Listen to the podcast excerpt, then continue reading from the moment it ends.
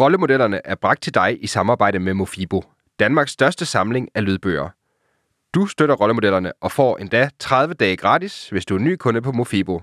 Koden, der giver dig adgang til mere end kvart million e- og lydbøger, er rollemodellerne. Kan du sige, far, kan du sige rollemodellerne? Rollemodellerne? Rollemodellerne. Mit navn er Bjørn Vestergaard Barfod, og det her det er min søn Valdemar.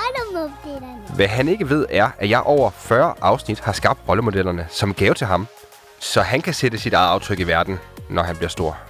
For rollemodellerne er et kartotek af mennesker, som har tur gå mod strømmen, gå efter drømmen.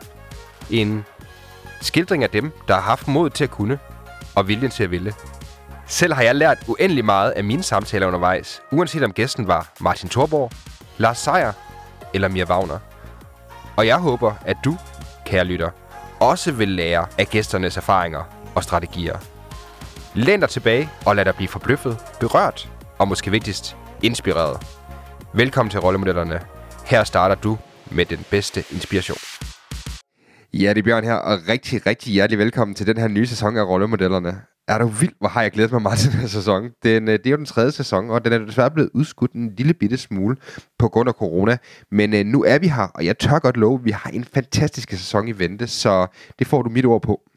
Som du øh, måske kan høre her i starten af podcasten, så er der lidt nyt, fordi at øh, Mofibo er jo kommet ombord som sponsor, og det er en kæmpe hjælp i forhold til at holde rollemodellerne i luften, så de skal have et stort velkommen til, og så selvfølgelig husk, at øh, hvis du går ind og bruger Mofibo med den her bonuskode, som der er i podcasten, så er du, er du også med til at støtte rollemodellerne, så det vil være super, super fedt, hvis du gør det. Dagens gæst i premieren på tredje sæson, det er Tue Tony, som øh, måske bedst er kendt for den her kometkarriere, han øh, har lavet i erhvervslivet. Han har været tidligere topchef i både Triumph og B&O, og øh, gjort det i en alder af relativt ung alder. Øh, nu sidder han øh, i bestyrelsen i blandt andet Joe and the Juice og Lakris by Johan Bylov, som øh, også tidligere har været med i podcasten, og øh, han har haft en mega spændende karriere, og øh, den er blevet endnu mere spændende nu her, fordi han har faktisk tilføjet øh, forfatter til sit CV, og øh, det har han med den her nye debutbog, som øh, hedder Samfundskontrakten. I dagens episode af Rollemodellerne, der kommer vi ind på en række rigtig spændende emner, blandt andet hvordan øh, historiske principper var med til at hjælpe Tue med at klare sig igennem den her meget, meget hektiske tid. Han havde de her fire år, hvor han sad på toppen B&O, øh, og hvor pressen havde rigtig, rigtig travlt med øh, hans virke. Derudover så kommer vi også til at tale lidt om de her karrieredefinerende chancer, som han også har taget. Han har helt klart gået sin egen vej, og øh, det er også derfor, han står med den markante og øh, beundringsværdige karriere, han allerede har haft nu i en alder af kun 45 år i dag. Og øh, så kommer vi selvfølgelig også til at snakke en masse om øh, samfundskontrakten, den her nye bog. Så alt i alt, så øh, har du en virkelig, virkelig god snak i vente. Jeg håber, du vil nyde den. Det gjorde jeg. Og øh, rigtig hjertelig velkommen til tredje sæson af Rollemodellerne podcasten. Rollemodellerne er bragt til dig i samarbejde med Tech Savvy Media. Et fedt medie med fokus på tech og iværksætteri. Jamen, uh, Tuman Tony, rigtig, rigtig hjertelig velkommen til Rollemodellerne. Det er jo den her podcast, hvor jeg finder de dygtigste mennesker i landet, for at finde ud af, hvad I har gjort for at skabe succes, jeres inspirationskilder, og hvilke værktøjer I bruger øh, i, øh, for jeres livsrejse, hvis man kan sige det. Jeg har glædet mig vildt meget til den her snak. Det er godt at være her. Fedt. Og man kan sige, først og fremmest er jeg vel næsten nødt til at sige et stort, stort tillykke med din nye bog. Tusind tak. Jeg tænker sådan, når man starter ud som øh, debuterende forfatter med øh, en øh, seksstjernet anmeldelse i børsen, det, øh, det kunne, man kunne vel ikke ønske en bedre debut? Jeg må indrømme, at jeg var øh, meget lettet. Øh, de, øh, de var så søde at øh, lige sende mig en e-mail 10 minutter før, at øh, den udkom. Øh, ja. Den udkommer jo digitalt øh, børsen øh, aftenen før, at øh, papiravisen kommer på gaden. Ja. Og der sendte de mig lige sådan en, øh, en e-mail med nogle tommelfingre opad. Ja. Og øh, det var jeg meget lettet over. Og, og du kan sige, det er jo øh, for en som mig at lave en bog, det er en smule nervepirrende. Og ja. så er det klart, at øh, når så den første anmeldelse kommer, ja. så er det også noget, man er spændt på. Ja, jamen, det er virkelig, virkelig godt at høre. Jeg må sige, jeg har selv læst den. Jeg fik jo lidt travlt, det her interview er kommet ret hurtigt i stand. Ja. Så med at få læst den, jeg synes, det er en fantastisk god bog, tak. vil jeg starte med at sige. Tak. Og jeg synes, jeg, jeg kan kun personligt håbe, at der er en masse af dem, der tager beslutninger og meningsdannere generelt, der får læst den her bog og taget en pokkers masse noter, fordi der er mange, mange guldkorn i, synes jeg. Det er jeg glad for. Tusind tak, det var sødt af dig. Øhm, man kan sige, tu, vi kan, selve samfundskontrakten, den kommer vi tilbage til lidt senere. Jeg vil prøve at så starte ud med et lidt anden type spørgsmål, som jeg tror, du måske ikke lige har svaret på i nogle af de andre øh, podcasts, du også har deltaget i osv. Øhm, en begivenhed, som jeg faldt lidt over, dengang jeg researchede dig, var jo den her øh, tur, du tog med din familie to måneder til New Zealand, mm. øh, hvor du havde slukket øh, telefonen øh, og faktisk kun havde taget to opkald. Og det var i forbindelse med, at du fik stilling som øh, CEO i øh, Bang Olufsen. To spørgsmål i den forlængelse. Jeg skal nok fortælle dig, hvorfor jeg stiller dig spørgsmålet. Øhm, det ene det er det her med, Øhm, fortæl sådan lidt om, hvad var baggrunden for den tur i det hele taget, og selvfølgelig også, hvad var det for en erkendelse, der førte til, at du øh, tog sådan et, et hårdt mobilstop, om man så må sige. Grunden til, at jeg stiller dig det her spørgsmål, det er faktisk fordi, at øh, det er, jeg har selv været på New Zealand, jeg synes, det er et helt fantastisk sted, og det er min drøm at tage min egen familie på sådan en tur engang. Så øh, det er meget interessant at høre, hvad du øh, har erfaret. Situationen var den, at øh, jeg havde sagt op i Triumph Motorcycles. Jeg var øh, i Triumph i otte år, de sidste seks år var jeg CEO. Og der er ingen tvivl om, at øh, være administrerende direktør, øh, også i en ret ung alder for en øh, virksomhed, som øh, gik igennem finanskrisen og øh, en global virksomhed, øh, en kompleks virksomhed på mange måder, det var, det var otte, øh, lad mig bare sige det sådan, ret hårde år. Ja. Og øh, det er også otte super fede år, øh, og øh, det var øh, umiddelbart efter, at jeg havde været i McKinsey i fem år, så jeg havde faktisk haft sådan... Øh, de, den bedste del af 13 år, mm. hvor jeg havde arbejdet på fuld tryk. Ja. Og øh, Tine og jeg, Tine min hustru og jeg, vi havde på det tidspunkt to børn. De var ganske små, øh, og vi havde nummer tre på vej. Ja. Og øh, jeg havde besluttet mig for at, at sige op i Triumph. Øh, det havde jeg gjort et godt stykke tid i forvejen. Øh, og så havde jeg haft min sidste dag i Triumph, og vi havde besluttet os for, at vi gerne ville hjem til Danmark. Vi boede på det tidspunkt i England. Vi havde besluttet os for, at vi godt ville hjem til Danmark, fordi vores øh, to børn på det tidspunkt omkring sådan to og fire år. Vi ville godt have, at de voksede op i Danmark. Både Tina og jeg er danskere og vokset op i Danmark, og øh, vi besluttede os derfor for at øh, forlade England, hvor vi havde boet i otte år, og så tage hjem til Danmark. Men mm. øh, jeg har det altid sådan, at øh, når man tager nogle af de her store skift, så skal man øh, tage den mulighed, der er for at måske tage en time-out. Det er simpelthen så sjældent her i livet, at, at, at man har mulighed for det. Så vi havde altid drømt om at komme til New Zealand og, og virkelig tage en, en periode, hvor vi trak stikket ud. Så vi lejede en øh, autocamper. Mm. Bobi kaldte vi den. Øh, bobilen. Øh, børnene kan stadigvæk huske øh, navnet på vores bil. Ja. Øh, og den kørte vi rundt i i New Zealand. Ja. Og det er faktisk øh, rigtigt. Jeg tog min øh, mobiltelefon, og så lagde jeg den ned i en kasse. Og så ja. kiggede vi på hinanden og sagde, vi har ikke brug for nogen skærme her, mm. fordi vi er bare os fire. Og, øh, og så selvfølgelig vores øh, tredje barn øh, mm. på vej inde i mors mave, og øh, så kørte vi rundt i to måneder. Ja, fantastisk. Mm.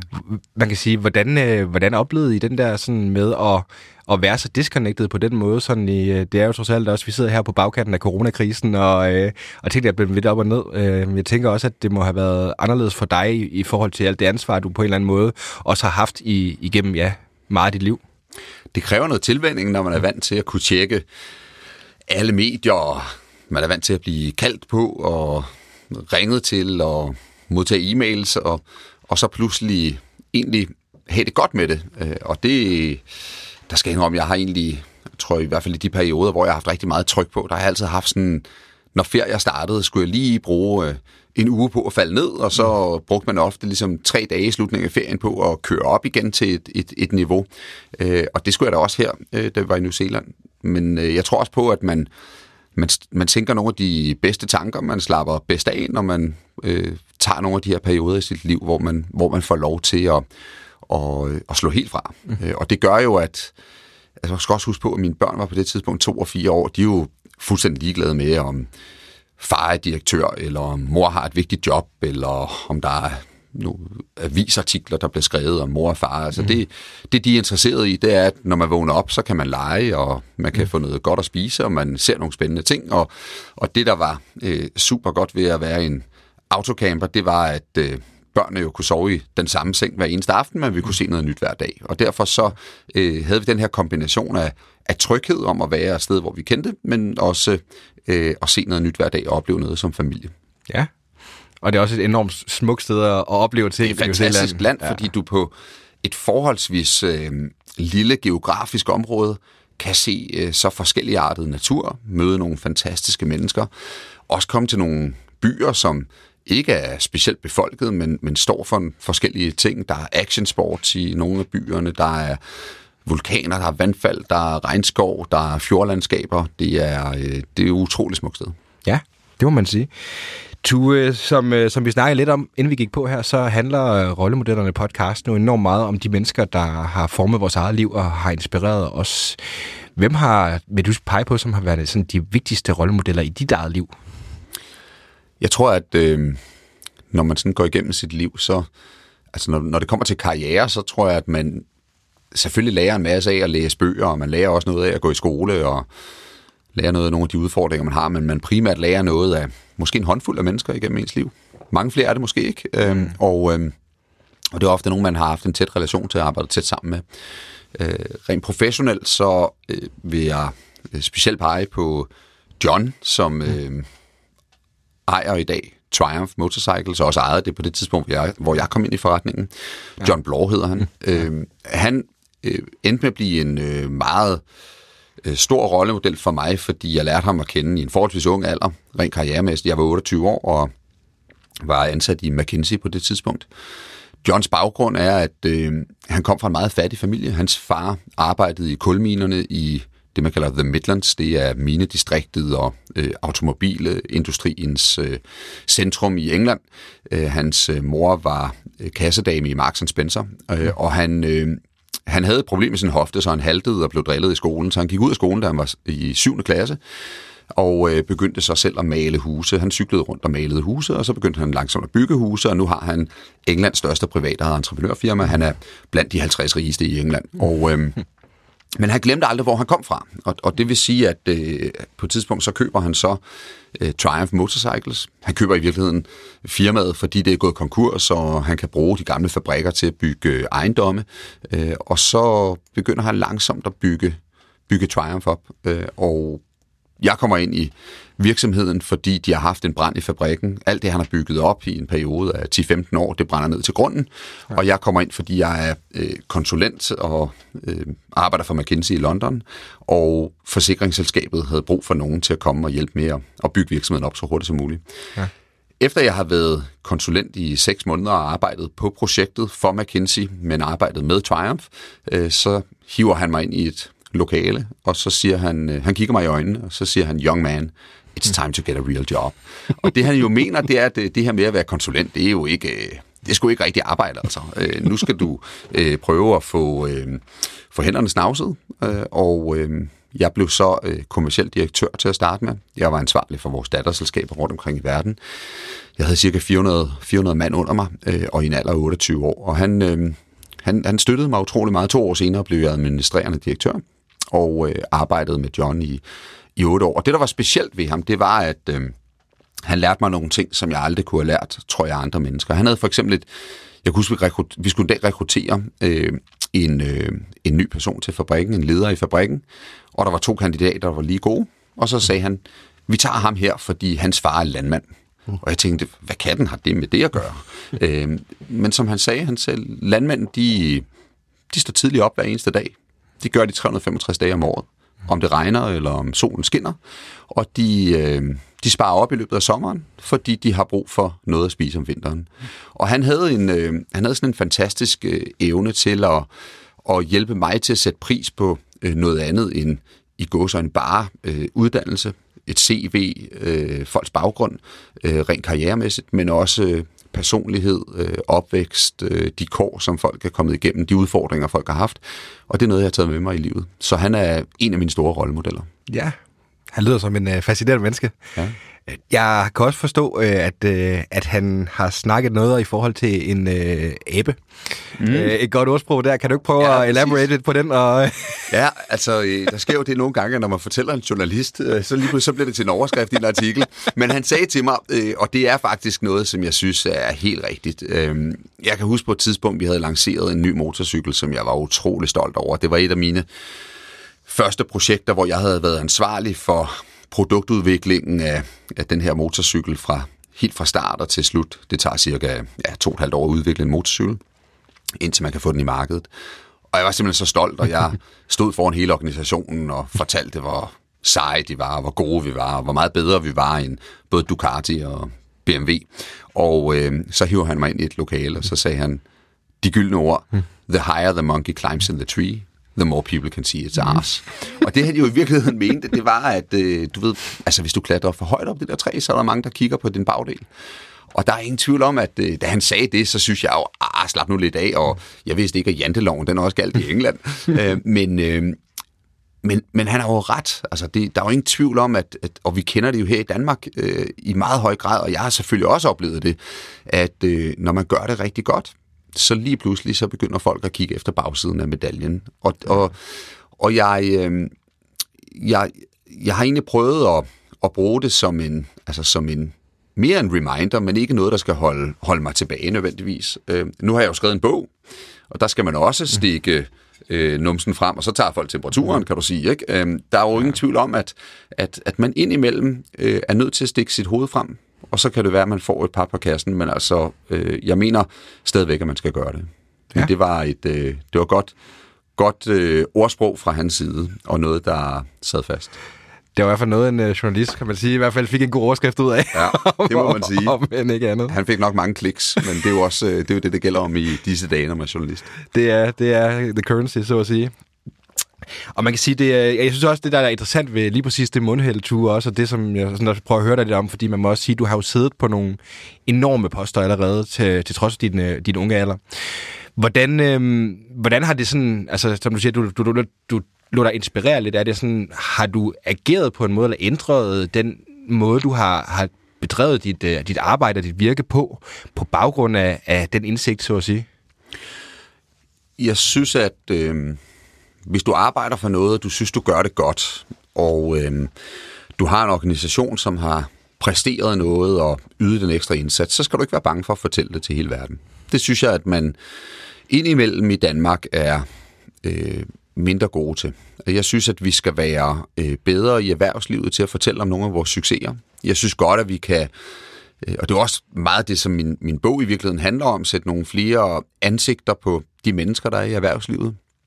Måske give noget indsigt i nogle af de øh, også super fede ting, som, som sker i erhvervslivet. Jeg tror, der er mange, der kigger på hvis man ikke er en del af erhvervslivet, kigger på erhvervslivet og tænker, de sidder lidt på en øde ø i midten af det danske samfund, og hvad er det egentlig, de laver? Er det ikke alt sammen lidt mystisk? Og, og måske også øh, fordi nogle af de lidt grimmere historier får rigtig meget opmærksomhed i pressen, så bliver det billedet. Og, øh, og det synes jeg er sundt. Jeg synes, at øh, ligesom dygtige sportsfolk, eller rockmusikere, eller øh, mesterkokke, stjernearkitekter, øh, gør nogle fede ting og, og lukker os ind i deres verden og viser os nogle af de ting, som de er stolte over og gør godt, så får de rigtig meget rampelys, og jeg synes, at, at vi har nogle, nogle mennesker i erhvervslivet, der godt kunne gøre det samme. Iværksættere er blevet bedre til det. Der er ingen tvivl om, at vi har fået en, en, en, en opmærksomhed på iværksætteri, som, øh, som jeg synes er sund. Der er nogle helte, der bliver bygget op. Det er klart, at løvens hule er også med til at gøre det. Det kan du trække lidt på smilbåndet over, men det er i det mindste med til at, at give den brede del af Danmark en interesse i det at bygge en virksomhed. Men jeg synes også, at i det, lad mig kalde det det, mere etablerede erhvervsliv, at, at, at man kunne gøre en indsats for at, øh, at give noget indsigt og skabe noget nysgerrighed i det, som faktisk foregår. Ja, interessant, og man kan sige, øh, du er faktisk et spørgsmål i den forlængelse også, fordi der er jo heller ikke nogen hemmelighed. Nu snakker vi lige lidt om øh, også Jakob Jøng, som jo også er tidligere gæst i podcasten, inden vi gik på og så videre. Og der er jo egentlig et øh, korps, som måske et stærkt ord at bruge, men der er alligevel en, en god del tidligere McKinsey-topfolk, øh, også Tommy Ahlers øh, blandt andet, som jo, øh, hvad kan man sige, har haft rigtig stor succes med øh, at blive iværksætter og gå den vej der. Der er nogen, der siger, at øh, det er den perfekte værktøjskasse, du får bygget op som øh, management consultant øh, for at blive iværksætter. Der er andre, der vil argumentere for noget af det modsatte. Hvad er egentlig din egen holdning til det her med, hvordan at øh, den karriere, du tog som ved McKinsey, var med til at klæde dig på til der, hvor du ligesom er endt i dag? Det første, jeg skal sige, det er, at jeg lærte super meget i McKinsey, men jeg skulle også vende mig til, hvordan det var, øh, da jeg kom ud af McKinsey og kom ind i Triumph, at... Øh, altså flere ting i virkeligheden øh, arbejde med øh, almindelige mennesker. Øh, mennesker, som øh, kommer på arbejde, lad os sige klokken 8, men også gerne vil gå hjem klokken 4. Øh, der er ingen tvivl om en, en, en fabrik i øh, Midt-England, har du ikke øh, nødvendigvis mennesker med det samme øh, meget aggressive ambitionsniveau, som jeg havde arbejdet med i McKinsey. Øh, du har også øh, selvfølgelig en, en, en øh, organisation, som du skal arbejde med i lang tid. Øh, man skal ikke øh, blot arbejde på et projekt i seks måneder og så videre til det næste team. Øh, og det, det stiller lige pludselig nogle helt andre krav til, til hvordan man leder mennesker. Øh, og det synes jeg var rigtig spændende, men jeg skulle også bruge, jeg vurderer i hvert fald et år på at vende mig til, hvordan det var, øh, for jeg skulle lære at være, om man så må sige, en, en rigtig, men også mere almindelig leder af en øh, organisation, som jeg havde ejerskab for i lang tid. Der skete det, at øh, jeg tror, at den, den type iværksætter, vi har i Danmark, har, har ændret sig, hvis vi kigger på, hvad der er sket de sidste øh, måske 10-15 år. Det er gået fra at være opfinderen, der kom med et genialt produkt, og øh, ligesom kommer ud af kælderrummet med den og siger, her er produktet, og nu skal alle købe det, og så finder ud af, at det selvfølgelig ikke er alle, der synes, det er helt lige så genialt, men, men nogen rammer sig rigtigt og bliver super succesfulde, øh, til nu, at vi har nogle virkelig, virkelig dygtige iværksættere, som ikke kun øh, måske får en idé til et produkt, men også er, er trænet i at bygge en forretning, er trænet i at se, hvor markedet er på vej hen, er, øh, har, har prøvet at arbejde med andre iværksættervirksomheder eller større virksomheder, og derfor ved, hvad der skal til for at bygge dem. Og derfor så tror jeg, vi er, vi er ved at få i Danmark et, et rigtig stærkt ligesom, øh, økosystem af både øh, iværksættere, altså folk, der får en genial produktidé, der er Soundbox jo et godt eksempel, hvor de tre gutter kommer direkte ud af gymnasiet og starter en virksomhed. Men vi også har øh, mere i går så en professionel iværksættere, hvor Jakob og Tommy er også gode eksempler. Øh, Anna Søndergaard er et andet godt eksempel, som også starter Bæk Søndergaard og, og nu har en anden forretning. Øh, hun kommer også fra McKinsey. Altså, så, vi, så vi begynder at have den her kombination af både øh, de her ligesom geniale skører, som, som kommer direkte med en idé, men også nogen, der er trænet i at bygge forretninger. Og det er, det er kun sundt, at vi har øh, forskellige typer, mener jeg. Ja. Jeg tænker, du, øh, en af de ting, som jeg virkelig fandt øh, interessant, også at du har været lidt ind og berørt en lille bit smule tidligere, øh, omkring din baggrund, øh, og det er måske også lidt i forhold til de her roller, du har udfyldt, hvis man kan sige det. Øh, og jeg har ikke sådan helt 100% kunne finde, hvordan citatet lyder, men det er noget i stil med, at du oplevede meget det her med, at du ved, blev lidt udråbt, som dengang du kom ind i Triumph, som med en kometkarriere, og du ved, du blev Golden Boy-agtig næsten, ikke? Altså sådan øh, virkelig, virkelig mange positive superlativer, hvor det virkede til, at dengang, der gik ikke så lang tid efter, du var kommet ind i B&O, at så vendte narrativet sådan i offentligheden omkring dig. Det kan du prøve at sætte et par ord på, hvordan, det, hvordan den proces var, måske også lige så høj grad, hvordan, jeg kan næsten fornemme også, at du på en eller anden måde har været lidt i, ikke i orkanens øje, for det er stille, men, men et eller andet sted også, det har været enormt øh, hektisk, og så på en eller anden måde stå op som næsten værende sådan ene mand, der skulle repræsentere hele den her danske nationalskat, som BRO på en, BRO jo på en eller anden måde er.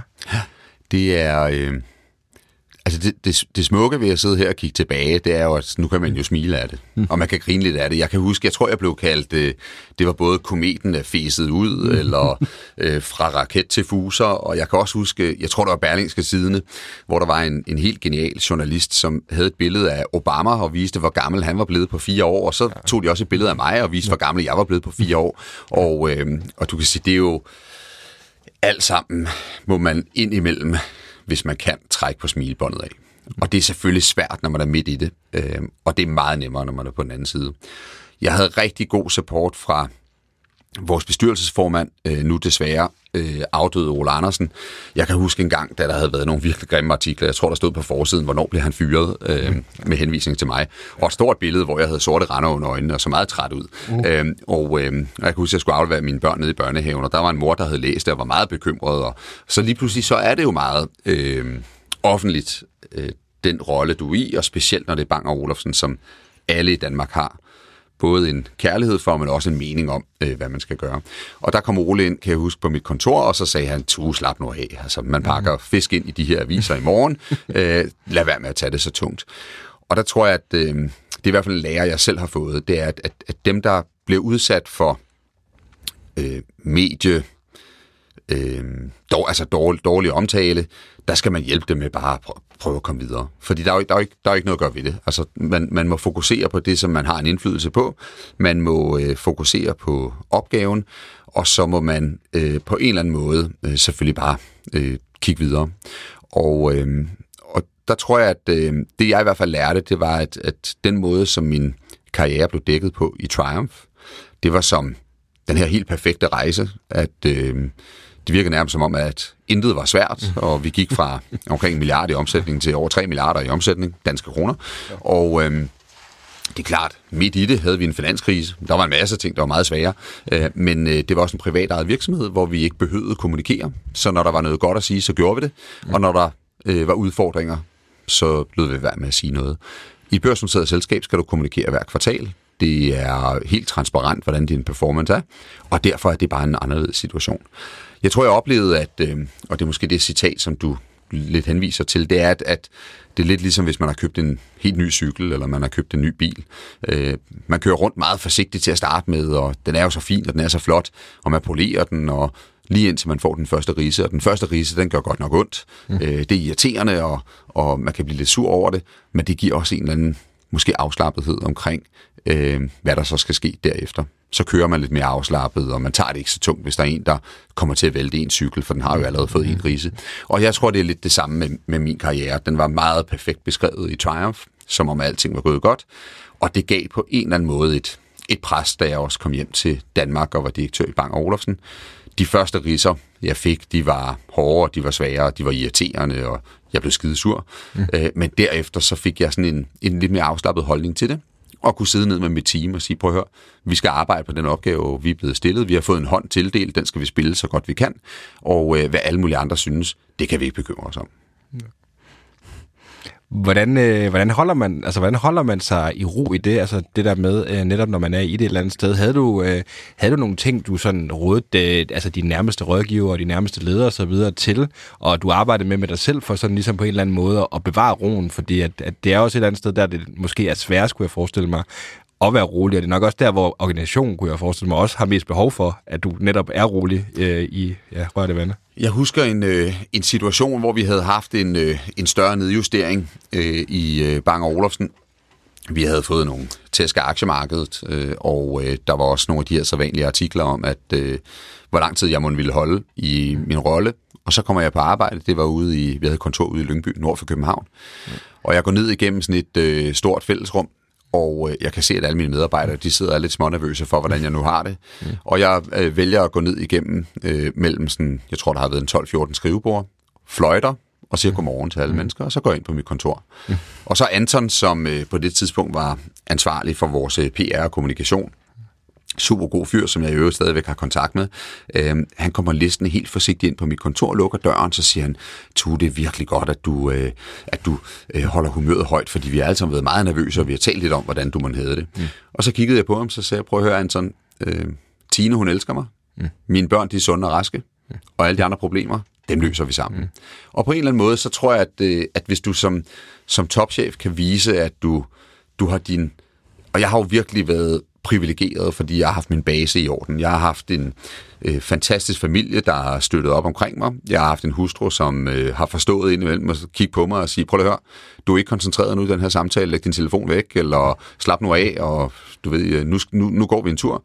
Øh, og have den base i orden, det har jo bare gjort, at jeg så på en eller anden måde kunne kigge på mit arbejde, som, og, og det skal ikke lyde forkert, men det er, som et, det er lidt som et spil. Altså, du, du skal optimere, du skal få flest point, du skal få salget til at stige, men det er heller ikke mere end det. Altså, det er, det er et spil, og, fordi det, der er det vigtigste i livet, det er alt det, der er rundt omkring. Det er, at du har din familie, du har dine børn, du har dine allerbedste venner, øhm, og, øhm, og, og det du så er blevet sat til, det er, at du er blevet tildelt en hånd, og den skal du spille så godt som muligt, og det er dit arbejde.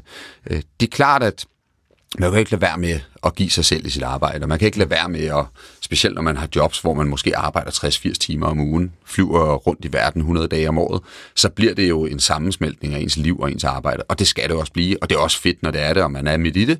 Men det er også vigtigt, tror jeg, indimellem, øh, specielt når det går hårdt for sig, at kunne ligesom få en lille distance til det, og, og nærmest stille sig lidt udenfor, og kigge på det og sige, jamen det er jo et spil det her. Mm. Øh, fordi så får man en eller anden mulighed for i hvert fald at stresse af og, øh, og få et lidt mere afklaret forhold til det. Hmm. Det er... Der er meget visdom i det, øh, gennem det, øh, i, i, i, det, øh, i det mindset. Det, Jeg tror, risikoen, hvis du ikke gør det, så bliver du et op af det, og det specielt hvis du har sådan en en og, altså Bang Olufsen-casen, det har vi jo set både før jeg havde jobbet og efter jeg havde jobbet, øh, er bare en super kompleks case, og den, øh, alles øjne er på den. Hvis ikke du er i stand til ligesom at stille dig lidt uden for det, så, så bliver du et op af det, og så brænder du ud til sidst. Og det, øh, og det gælder også rigtigt, altså der er mange iværksættere, der, øh, og det har jeg set øh, i mange tilfælde, altså bliver så grebet af deres job, at det er det, det, er det der definerer dem, det er det, de er. Øh, og der, øh, altså, der, der råder jeg også øh, ofte øh, både iværksættere, men også dem, der arbejder i iværksættervirksomhederne, til ind imellem og falde tilbage til alle deres gamle venner, som du ved, så kalder de dem de navne, som de kaldte dem for fem år siden, og måske lige glemme arbejdet for en stund, og så lidt lader som om, at det er et spil, fordi så, øh, så kan man få en lille distance til det. Ja, det, det er jo lidt bare, hvad sige, det er jo i hvert fald det, som man ser ofte ikke? Med, med mange iværksættere, at de er så meget bundet op på identiteten af deres virksomhed, at det, at det smelter sammen på en eller anden måde. Har du nogen, altså man kan sige, der er i hvert fald det der med at så søge lidt tilbage til der, hvor du var inden. Øh, er der andre ting, du, du råder nogle af de virksomheder, du er i til at på en eller anden måde at kunne, at kunne få det her mindset på, at det måske, at der er andet i livet end bare øh, end det her med at skabe succes med dit virksomhed, som jo er meget et mantra for rigtig mange iværksættere? Det fede ved at være iværksætter, det er jo netop det her med, at, at det bliver altså det bliver et billede af dig selv, og du bliver en stor del af det, og, og, og, og mange iværksættere er også super gode til at, at, at, at, at spille sig selv ind i, i også øh, altså PR-maskinen omkring det. Øhm, man skal bare huske på, at, at en virksomhed kan også forsvinde mellem hænderne på en, og det, det skal man på en eller anden måde være klar til. Altså der, den, den kan forsvinde enten altså på den negative måde ved, at tingene ikke går, som de skulle. Den kan også forsvinde på en eller anden måde, på en positiv måde, ved at man sælger virksomheden, og der er nogle andre, der kommer ind og, og tager den det næste skridt. Og, øh, og der skal man finde den der hele tiden den der balance. Øh, er det her godt for mig? Er det godt for virksomheden? Hvor godt er det for virksomheden i forhold til, hvor godt det er for mig? Og, og, øh, og finde den balance, og måske også forestille sig en dag, hvor øh, man bare er sig selv og sin familie og sine venner, og man ikke er virksomheden længere. Og det, det er en svær proces. Altså det, jeg, jeg kan huske, Vækstfonden har lavet en stor analyse. Jeg sidder i bestyrelsen i Vækstfonden. De har lavet en stor analyse, hvor de siger, hvad er det for nogle virksomheder, der bliver succesfulde i Danmark? Og et af de kriterier, der er allervigtigst, det er, at iværksætteren har selvindsigt. Øh, og det, det lyder super nemt at sige. Øh, det er meget, meget svært at gøre. Men selvindsigt betyder, at man både kigger på, hvornår er jeg den rigtige til at stå i spidsen for den her virksomhed? Hvornår holder jeg måske noget af potentialet tilbage, og skulle i virkeligheden måske tage ikke nødvendigvis et skridt ud, men et skridt til siden og invitere nogle andre personer ind. Måske en professionel CEO, en administrerende direktør, der har prøvet det før. Måske en bestyrelse, der er professionel. Måske nogle ejere, der kan komme ind og tage noget, jeg kan tage noget risiko af bordet, og, og dermed måske øh, slappe lidt mere af, når jeg skal tage nogle store øh, bets i at gå ind i et nyt land, eller i en ny øh, produktkategori. Og det, det her med at have selvindsigten, det handler så også om, hvad er det, jeg vil med mit liv? Hvad er det, der er vigtigt for mig? Og, og, øh, og det tror jeg, det er, det er ekstremt vigtigt. Ja. Det er sjovt. Jeg har også tidligere interviewet øh, Le Gammeltoft øh, i podcasten her, og øh, det er netop også øh, noget af det, som øh, dialog med hende gik på, det her med, at, at et eller andet sted, så er den der selvindsigt, det er på en eller anden måde er målet med livet et eller andet sted. Ikke? Altså, det er det, der er med til at, at virkelig at, at, at være med til at definere, hvordan du agerer i de, i de forskellige kontekster. Så det er, det er en super god indsigt, uh, to. Jeg læste et rigtig fedt portræt af dig i børsen, øh, som jeg synes var ret interessant. Det startede egentlig ud med, at øh, den beskriver ret øh, minutiøst, hvordan at du ender med at fri til din kone øh, på en øh, lokation, der lyder helt fantastisk. Mm. Øh, I den bliver du sådan beskrevet lidt som, hvad kan man sige, at det her med timing og tilrettelæggelse øh, er en enorm vigtig del af den person, du er, hvis man kan sige det, øh, uden det skal lyde. Timing, timing og tilrettelagt, det er jo sådan et Egon Olsen det er næsten, når man hører det på den måde. Men Tue, hvis du nu skulle, øh, for eksempel dine børn, lad os bare sige, at øh, du vil øh, give dem øh, et eller to gode råd i forhold til at så tage den her samme øh, mindset, eller tage den her samme approach, som selv har, har, har bragt dig så langt, som, som det har. Hvad vil du så råde dem til at gøre? Jeg tror, at øh, når jeg kigger tilbage, så... Jeg tror, mit, mit råd til dem vil være at slappe en lille smule mere af, end jeg selv gjorde. For at være helt ærlig. Øh, jeg var ekstremt øh, drevet fra starten. Altså, jeg, jeg kan godt lide at fortælle historien, som at jeg fulgte min, min passion. Jeg elskede matematik, da jeg gik i gymnasiet, så begyndte jeg at læse kanværk matematik. Øh, og så, da jeg læste kanværk matematik, så øh, fik jeg en interesse for den finansielle sektor, og, og, og fik så et internship i Goldman Sachs, og det var jeg så ikke super vild med, men, men besluttede mig efter nogle måneder øh, at starte i McKinsey. Og øh, når man sådan kigger tilbage, så, så, så kan man godt fortælle historien som, at jeg var drevet af min interesse og min passion. Men jeg, jeg tror egentlig også, at jeg måske, hvis jeg skulle gøre det om igen, ville, øh, ville slappe en lille smule mere af. Altså jeg, jeg, jeg jeg slappede meget af i gymnasiet, skal jeg starte med at sige. der fik jeg hverken høje karakterer, eller hørt specielt meget efter, eller lavet specielt mange lektier. Øhm, og øh, man skulle heller ikke have et specielt højt snit for at læse kantmærk matematik, så det var ganske heldigt. øhm, og øh, alle i min familie, de er læger, og jeg havde ikke et snit til at komme direkte ind på medicinstudiet, så jeg er glad for, at det ikke var det, jeg ville. Men, men, øh, men derefter, der gik det øh, ret meget slag i slag. Altså, øh, jeg jeg festede meget på Handelshøjskolen, men jeg læste også ekstremt meget øh, og gik direkte i der til Goldman Sachs og så videre til McKinsey. Jeg tror, at jeg måske ville opfordre dem til at virkelig øh, gå øh, meget efter øh, hjertet og efter passionen, fordi jeg tror, at at fremtiden den er så usikker i øjeblikket, meget mere usikker end dengang jeg skulle have et job. Øhm, og derfor så er det, det er super svært at, at, at, at tænke over, hvad man kan blive til om tre år, fem år, ti år. Øh, men en ting, som jeg har lært igennem min karriere, det er, at hvis du synes noget er sjovt, så er sandsynligheden for, at du vil knokle, den er også større. Hvis du knokler, så bliver du også god til det. Og den her kombination af at, at have passionen for noget, og derfor øh, have lyst til at gøre meget af det, og derfor også blive god til det. Den her kombination, den, øh, den drivkraft, den, den er så vigtig. Øh, og det starter alt sammen med, at man synes, det er sjovt. Og, øh, og jeg kan godt lide at bruge Altså jeg tror jo, at, at, at jeg vil understrege, at, at man skal knokle. Altså det, mm. jeg tror, vi nogle gange har sådan en, en øh, altså folk, ordet arbejdsnarkoman er jo mm. et negativt ord, øh, ja. og det synes jeg er sundt, fordi øh, at være arbejdsnarkoman, øh, og det er jo blevet meget populært at snakke om work-life balance, og der er ingen tvivl om, at man skal også sørge for, specielt når man har medarbejdere, at, at man hjælper dem til at finde den rigtige balance. Men jeg er også bare nødt til at sige, at hvis du vil blive god til noget, så skal du også knokle. Sådan er det bare. Øhm, og øhm, der er ikke nogen, der kommer sovende til noget, og man skal træne hvad er det, 10.000 timer, før man kan finde ud af en eller anden ting. Øhm, og derfor så, øh, så tror jeg, at, at, at sandsynligheden for, at man vil gøre det, den er også større, hvis man synes, det er sjovt. Hvis man synes, det er sjovt, så knokler man, så bliver man god til det, så synes man, det er endnu sjovere. Og derfor så tror jeg, at det her med at starte med at finde noget, man virkelig elsker og brænder for, øh, det kommer til at blive rigtig vigtigt. Hvordan, øh, er det kommet sådan, altså du siger, du siger sådan, det kommer sådan meget slag i slag. Er, det, altså, er passionen, er det kommet sådan, har det været en slags, hvad kan man sige, iterativ proces, hvor at du har fundet ud af, at der er nogle ting, du også synes er spændende øh, i din egen karriere, eller har det sådan været sådan helt klart for dig øh, igennem sådan det meste af dit karriereforløb, hvad det var, du brændte for, og hvad det er, du, vil, øh, hvad det var, du gerne vil hen mod? Jeg tror, at når man kigger tilbage, så kan man kigge på sin karriere og sige, det, det giver jo meget god mening. Her er en, er en meget logisk øh, vej igennem det, men på, på alle de tidspunkter i min karriere, der kunne jeg truffet nogle andre valg, der havde sendt mig i en helt anden retning. Det er jeg sikker på. Jeg, øh, jeg blev direktør i, i, i Triumph, fordi jeg kom på et projekt øh, med McKinsey for Triumph.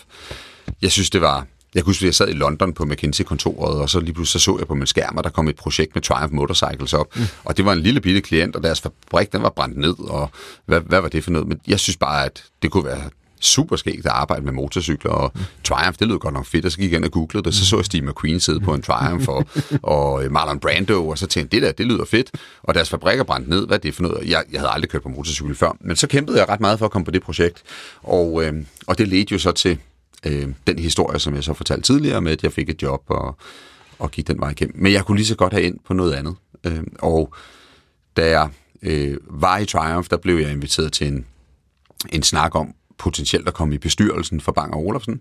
Og jeg mødte øh, på det tidspunkt Ole Andersen, som også øh, var kandidat til at komme i bestyrelsen, og vi kom begge to i bestyrelsen sammen, og jeg kan huske, at vi havde et, et møde ude i hans have på et tidspunkt, hvor vi sådan kiggede på hinanden og sagde, Nå, øh, Bang Olufsen har været lige ved at gå konkurs her under finanskrisen i 2008.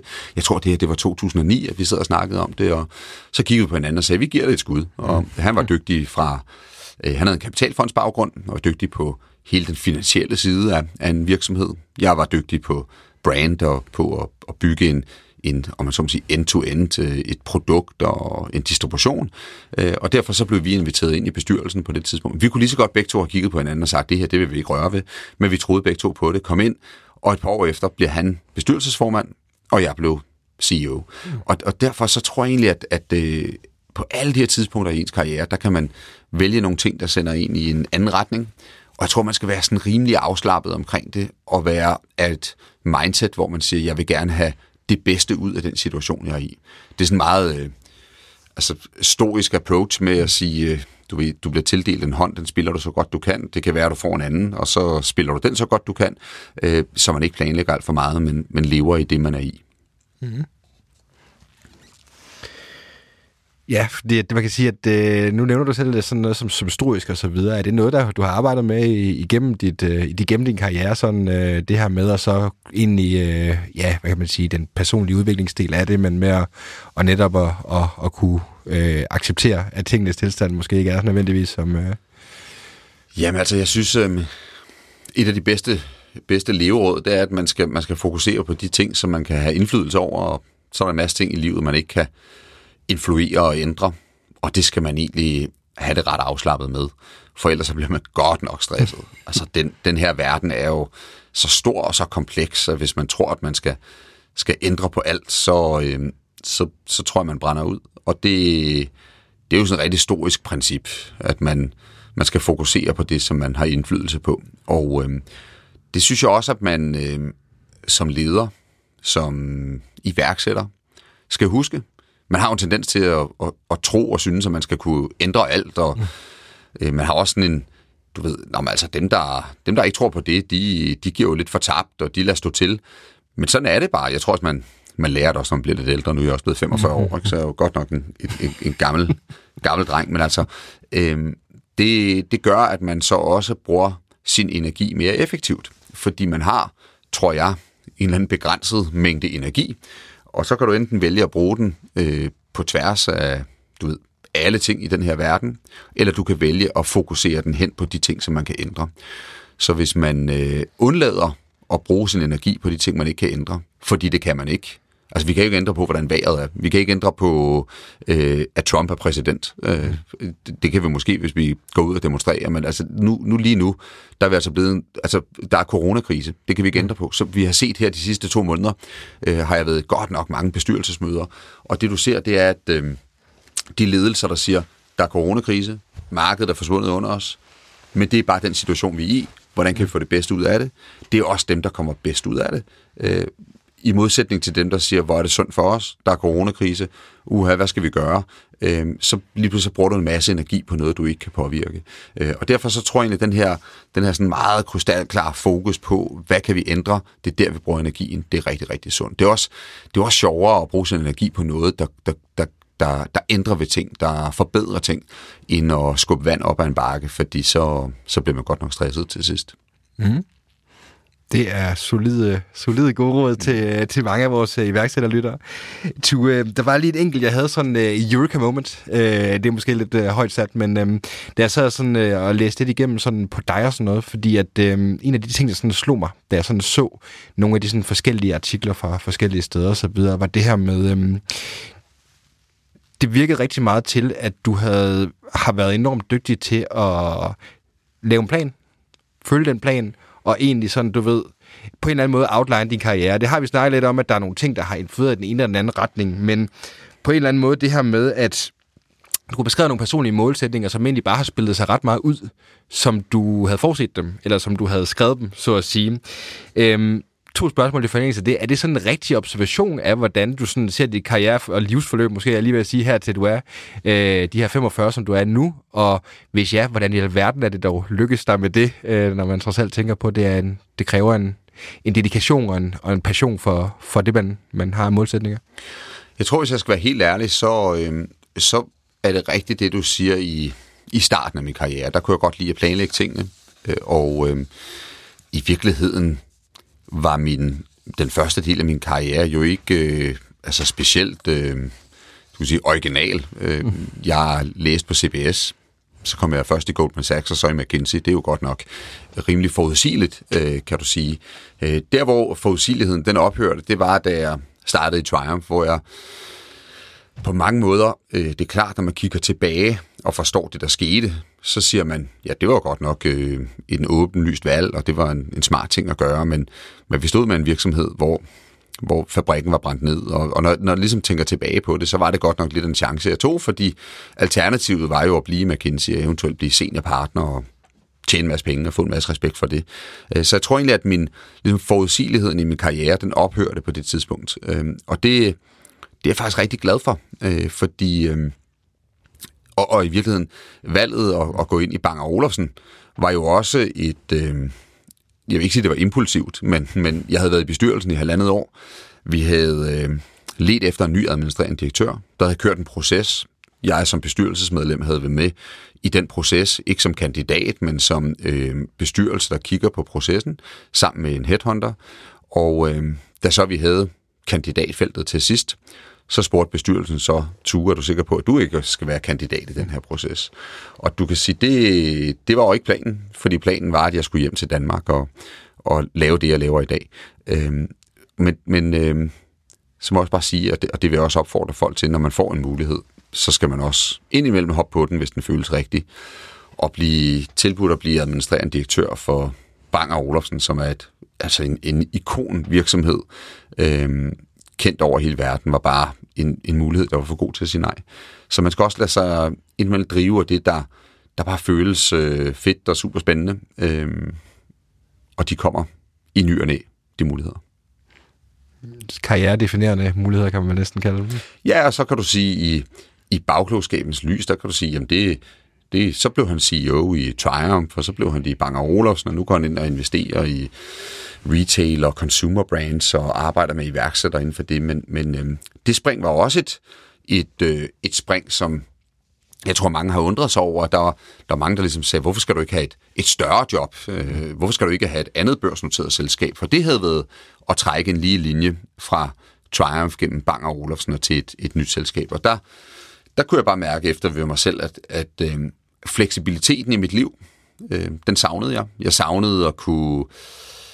Altså jeg vil sige, i, både i Triumph og i Bang Olufsen, jeg tror, jeg, jeg hentede mine børn øh, fra deres institution en gang om ugen, max. Jeg afleverede dem stort set aldrig. Øh, og øh, savnede egentlig den der fleksibilitet, hvor man indimellem kan løbe en tur i skoven tirsdag formiddag, og øh, kan aflevere dem i skole, hente dem fra skole, men så også nogle gange knokle en helt lørdag og søndag, hvis det er det, der skal til. Mm. Øh, og den der fleksibilitet, hvor man vælger selv, det er noget, der i hvert fald for mig tager stressen væk. Øh, det med selv at kunne bestemme. Det tager, jeg kan arbejde solen sort, jeg elsker at arbejde, jeg elsker at stå tidligt op, jeg elsker, altså hvis familien ikke er hjemme lørdag og søndag, så kan jeg godt finde på at arbejde hele weekenden. Mm. Øh, det er ikke noget problem med. Men jeg elsker, når jeg har noget fleksibilitet til at gøre øh, det, jeg har lyst til, øh, og arbejde, når jeg har lyst til det, og arbejde, hvor jeg har lyst til det. Øh, jeg kan huske, det var noget, jeg skulle vende mig til. Jeg husker, da jeg stoppede i Bang Olufsen, så var der en... Altså nogle gange, hvis jeg løb en tur i, i skoven sådan en onsdag midt på dagen, så var jeg sådan helt nervøs for, at der var nogen, der skulle se mig, for de tænker, ej, de tænker sikkert, ej, han er doven, og han laver ingen skid, og jeg kiggede mig over skulderen, og jeg kan vide, om der var nogen, der måske tænkte, at han kan ikke få et job, det er derfor, han render rundt herude. Mm. Øhm, og det er jo noget underligt noget, det her med, at, og der er nok ligesom forhåbentlig, den, ligesom den sidste generation, der har den der med, at at sidde ved skrivebordet på sin arbejdsplads, det er det, der tæller. Mm. Øhm, og jeg tror, corona har forhåbentlig lært os alle sammen, og det har vi jo set, står til alle danske virksomheder kunne opretholde en, en forholdsvis høj produktivitet med 80% af medarbejderne, der sad derhjemme. Øhm, altså forhåbentlig har vi fået rusket godt og grundigt op i det, at vi måler vores medarbejdere på det, de leverer, og ikke på, om de nu er på arbejdet. Hvis de har lyst til at løbe en tur midt på dagen en tirsdag, skal de gøre det hvis vi har brug for, at de skal knokle lørdag og søndag, mm. så må de gøre det. Øh, den der fleksibilitet, den, øh, den, den tror jeg rigtig mange vil have rigtig meget god brug af. Ja. Og øh, apropos gode ture, så har du jo været en tur rundt i Danmark, Tune. Ja og skrevet samfundskontrakten på baggrund af den her tur. Jeg har rosen jo før, og vil gerne rose den igen, og kun anbefale alle vores lyttere at, at læse bogen. Jeg forstår det egentlig, den kom lidt til verden øh, efter en snak med en af verdens rigeste mænd. Mm. Øh, Jack Ma. Jack Ma, der stiftede Alibaba. Det er rigtigt. Hvad, hvad, hvad var det, der ledte dig til, til den øh, erkendelse, at øh, den her bog skulle skrives? Jeg begyndte for alvor at tænke på projektet for to år siden, og så har jeg for alvor skrevet på den de sidste seks måneder. Og jeg har boet i, jeg har boet i USA, jeg har boet i England, jeg har boet i Frankrig, øh, og så er jeg selvfølgelig opvokset i Danmark og, og bor i Danmark nu. Og jeg har også set de sidste år, at, øh, og det har vi jo alle sammen set, øh, hvad der sker i USA. Øh, vi har set, hvad der skete i England med Brexit, som jeg tror i meget høj grad er, er ligesom et, et, et, et brud på samfundskontrakten, der øh, for alvor skete efter finanskrisen, hvor der var kæmpe fokus på at redde den finansielle sektor i England, og meget lidt fokus på at redde alt, hvad der var uden for Londons øh, grænser.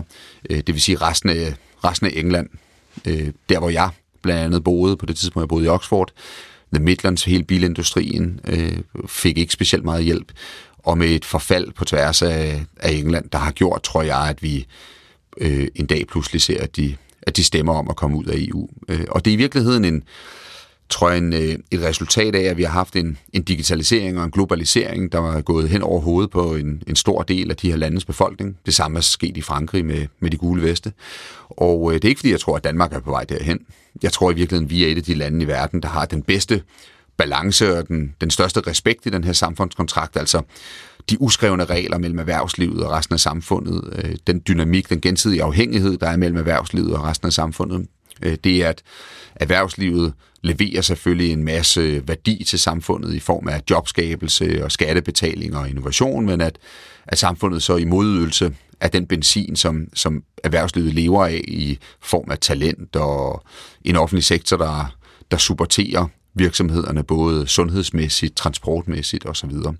Øhm, men vi har set nogle lande, hvor det her det går galt, og vi ser også, øh, tror jeg nu her under corona, at, at, at der ikke er nogen tvivl om, at når, når regningen på et tidspunkt skal betales, og det skal den jo, øh, der er ingen, altså her under corona har vi jo alle sammen set virksomheder, som har udvist en høj grad af solidaritet, åbenhed. Øh, vi har set et, et samfund og en regering, der lynhurtigt går ind og lancerer hjælpepakker.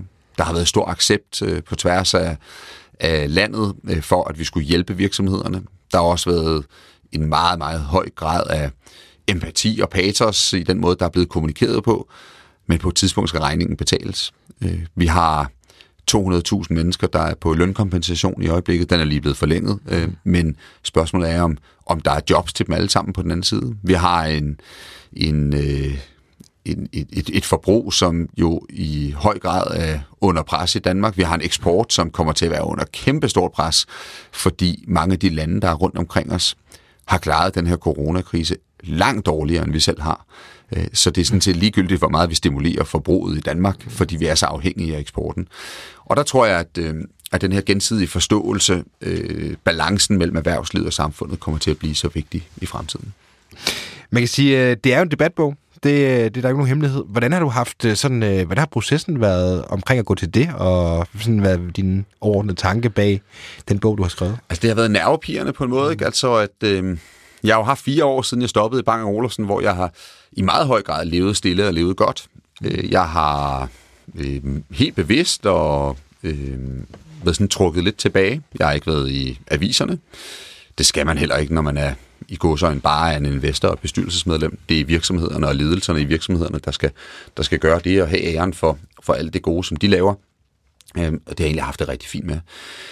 Men øh, jeg mener, at det her det er vigtigt. Jeg mener, det er vigtigt for Danmark. Jeg mener, det er vigtigt for vores børn, at vi, vi tænker over øh, den stabilitet, der er i det danske samfund. Overordnet set, så øh, hvis du har en samfundskontrakt, som både erhvervsliv og samfund overholder og efterlever, så skaber man sikkerhed og tillid i samfundet, og det skaber bare en, en, altså et bedre sted. Det skaber en bedre land, en bedre nation, som vi kan give videre til vores børn. Øh, forhåbentlig skaber det også nogle bedre virksomheder. Forhåbentlig skaber det også et bedre velfærdssamfund, så på den måde er der en masse synergier i det. Og det følte jeg var vigtigt, og derfor så gik jeg i om man så må sige, i markedet med bogen, så er det, øh, så er det klart, at, at et begreb som samfundskontrakten, det er jo et diffust begreb. Det er et kæmpe, altså man kunne have skrevet bogen på alle mulige vinkler. Øh, jeg valgte vinklen, hvor jeg kigger igennem nogle af de virksomheder, som er blevet succesfulde, iværksættervirksomheder, som er blevet store, som er blevet altså det lidt populære ord, det er unicorns, altså en mm. markedsværdi på over 1 milliard dollar. Øh, men, men, øh, men, men det er den linse, jeg har kigget igennem, fordi det er der, jeg synes, at det er rigtig interessant at se på øh, jobskabelsen, værdiskabelsen, øh, skattebetalingerne, innovationen, tilbage til det danske samfund, øh, og det er det, der er med til at finansiere vores velfærdssamfund. Så det er den linse, jeg har kigget igennem det på, og det, det har gjort, at der er en masse, som ikke nødvendigvis er en del af erhvervslivet, der lige pludselig har fået øjnene op for nogle af de aktører, vi har i erhvervslivet, nogle af de spændende virksomheder, vi har, og det, det er jeg glad for. Det må man sige, og det er også en enormt spændende problemstilling, netop med udgangspunkt i nogle af de cases, du nævner. Øhm, for der er heller ingen tvivl om, at øh, det kender du også selv gennem dit arbejde i Vækstfonden, at, at det er så enormt vigtigt for de rammer, vi sætter for de iværksættere, øh, vi har i landet, og, og passer godt på dem, der egentlig gør, at de også kan, at de også kan blive i landet. Jeg kan faktisk huske, at jeg læste bogen øh, Startup Land, der handler om Ja. Zendesk. En enormt god bog også, faktisk. Men, ja. øhm, men det var også ret åbenlyst allerede der, de var ret tidlige ude, men i, det var i 2008, hvor de rejste, forsøgte at rejse kapital, og der var simpelthen ikke et marked for dem i Danmark mm. på det tidspunkt, og det er klart, så mister vi den type virksomheder, og det er dem, vi skal bruge. Vi skal bruge morgendagens vindervirksomheder, som man kan sige det, to. Jeg tror, hvis jeg bare kan lave en kommentar til det. Ikke? Jeg tror, altså, Danmark har ændret sig ekstremt meget. Der blev bygget nogle, øh, nogle altså, unicorns. Øh, nu Zendesk jo et kanon godt eksempel, en af de mest succesfulde virksomheder. Øh, de forlod jo landet. Øh, det gjorde de så også... Øh, øh, selvfølgelig på grund af, at de fik udenlandske investorer, men de havde også et kæmpe marked i USA, og, mm. og indimellem må man også bare indse, at Danmark er et lille land, og så for nogle virksomheder er det bedste måske at fokusere på at komme ud i den store verden. Øh, Men det vi da i det mindste kunne gøre selv som tjeneste, det er at sørge for, at vi ikke lægger hindringer i vejen for, at man kan blive i Danmark og vokse i Danmark. Og der mener jeg, at, at, at vi kan gøre rigtig meget for øh, specielt to ting. Det ene er, at der er kapital til virksomhederne, når de når den størrelse. Vi er blevet rigtig gode til, blandt andet gennem Vækstfonden, blandt andet gennem øh, VC-fonde, blandt andet gennem Business Angels, at skaffe kapital til det tidlige stadie og mellemstadiet. Men når vi taler om store beløb, og der er stadig risiko i en virksomhed, så er det ofte udenlandske fonde, der træder til. Så det er det første, det er, at vi skal være gode til at skaffe kapital til virksomhederne i den her lidt kritiske fase, hvor vi risikerer at miste dem.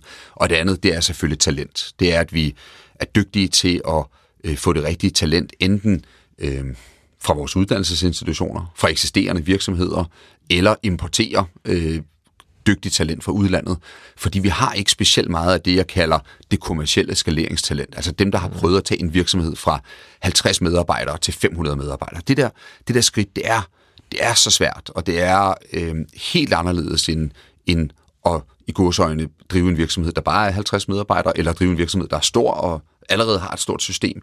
Det med at sætte systemerne op, det med at sikre skalerbarheden, det er, det er ikke nemt, og dem har vi ikke mange af. Så vi må enten importere dem fra udlandet, eller også så må vi sk- måske gå til nogle af de store virksomheder i Danmark og sige, hey, kom over og blive øh, startup-CEO øh, og, øh, og udnytte det den vej. Ja. Vi er gået lidt over tiden, og tiden flyver også afsted. Jeg plejer gerne lige at lukke podcasten af med sådan 3-4 relativt hurtige og korte spørgsmål. Er du frisk på, at vi lige tager dem? Ja, så må vi se, om du kan få hurtige svar. Ja, det er lige så meget. Det er jo det. Øh, tiden, tiden går i et godt selskab. Tu, øhm, den her, det her spørgsmål har jeg glædet mig rigtig meget til at stille dig. Øhm, har du en specifik morgenrutine, eller måde, du starter din, øh, din dag på?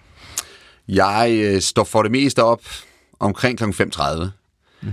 og så øh, gør jeg øh, enten en, øh, enten går ud og løber en tur, eller også så arbejder jeg. Mm. Og så øh, dækker jeg altid morgenbord, Ja. Fordi når klokken er syv, så sidder hele familien rundt omkring morgenbordet. Ja. Og det er sådan noget, jeg har lært hjemmefra. Det gjorde øh, mine forældre altid. At ligegyldigt om man skulle møde sent, eller man skulle møde tidligt, så holdt familien morgenmadsseance sammen. Og jeg tror egentlig, at det kan medvirke til, at institutionen, familien, bliver godt sammentømret. Man snakker lidt om, hvad der skal ske i løbet af dagen. Man snakker om, om der er noget, man er nervøs for, eller noget, man glæder sig til. Og øh, det er bare en god måde at starte dagen på. Det er sjovt. Det er faktisk fuldstændig det samme råd, som Johan Bylov også har givet, øh, da jeg stillede ham spørgsmålet. Så Ja. det, er, det, det, det er et godt råd, øhm, Tue.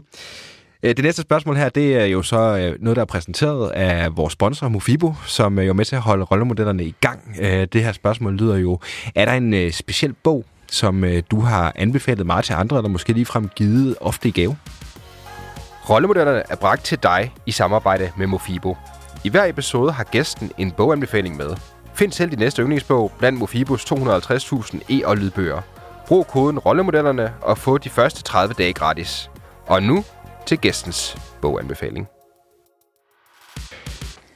Der er et par bøger, som jeg har været rigtig glad for igennem tiden. Øhm, hvis jeg skal starte med en businessbog, som jeg læste for nogle år siden. Shoe Dog, som handler om hele opbygningen af Nike og hele den historie. Det er ja. en fed bog, for den, den, den taler også lidt om, hvor hårdt det er at bygge en virksomhed. Men den taler også om, at øh, når så det lykkes, så kan man godt nok skabe noget fantastisk. Ja. Det er jo en god bog. Så synes jeg også, Må at... Øh, Må jeg lige afbryde et øjeblik? Har du hørt det som lydbog? Nej, det har jeg ikke. Den er fantastisk også som lydbog. Øh, der er en virkelig, virkelig god oplevelse på den engelske version af den. Det Ah, er, fedt. Ja, Det er godt. Ja. Øhm, jeg har selv indtalt samfundskontrakten som lydbog, så øh, det kunne godt være, at jeg skulle have haft fat i ham, den gode oplæser. Men, øh, og så en anden bog, det er øh, en bog, der lige er kommet ud for ikke så lang tid siden om øh, de historiske principper i et moderne liv. Det er Niels Overgaard, der har skrevet en bog, der hedder Det hele handler ikke om dig. Og det er en, øh, det er en fabelagtig bog. Øh, Den er forholdsvis hurtigt læst, men den giver stof til eftertanke. Og det synes jeg er definitionen på en god bog, det er, at man forholdsvis hurtigt kommer igennem den, men man tænker på den i lang tid. det, øh, den, den, den, den må jeg indrømme, den er jeg ikke kommet igennem, men jeg har startet på den, og den virker fantastisk. Og så generelt alt, der kan være med til at, at udbrede de historiske principper og holde dem, øh, holde dem tidsaktuelle, synes jeg også er enormt vigtigt. Jeg Mhm. har selv øh, læst nogle af de gamle øh, historiske ting, og det er også enormt interessant, men det er selvfølgelig også øh, ændret sig meget fra dengang, at øh, det var en, en filosofi, som er brugt meget. Ja, og du kan sige, at den her bog, den, øh, den serverer det virkelig på en appetitlig og letlæselig måde, så øh, den kan alle gå i gang med. Fedt. To hurtige spørgsmål tilbage, to, i det her, som har været en helt fantastisk podcast, synes jeg.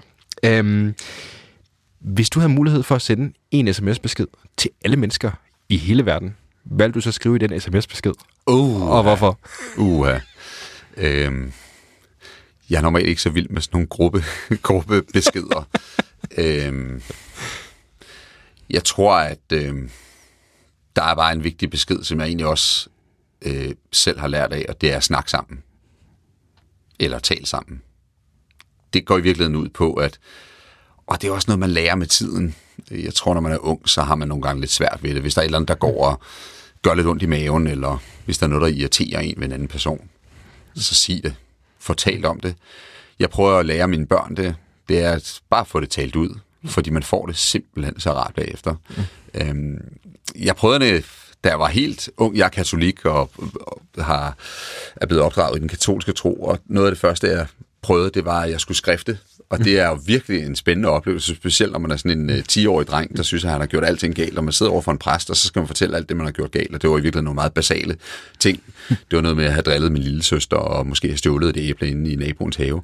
Men da jeg så havde fortalt det til en person, så følte jeg mig virkelig lettet. Og den der fornemmelse af lethed og svæve, den får man altså, når man øh, får lettet sit hjerte. Og hvis der er et eller andet, der går, altså før det bliver til en krig mellem to lande, før det bliver til, du ved, Ragnarok i gaderne, før det bliver til et sammenbrud i en relation med en medarbejder eller en kollega, så tal om det. Det er et råd, jeg har givet videre her med. En sms, jeg glæder mig til at modtage. Mm. Tue, det aller sidste spørgsmål øhm, er det her med, hvad er det bedste råd, du nogensinde har fået? Det er et rigtig godt spørgsmål. Det er faktisk et godt spørgsmål. Og øh, det skal jeg godt nok tænke over. Tag din tid. Ja. Jeg, øh, fordi jeg har fået mange gode råd gennem tiden. øh, jeg har selvfølgelig også fået en masse råd, jeg ikke har kunne bruge til noget.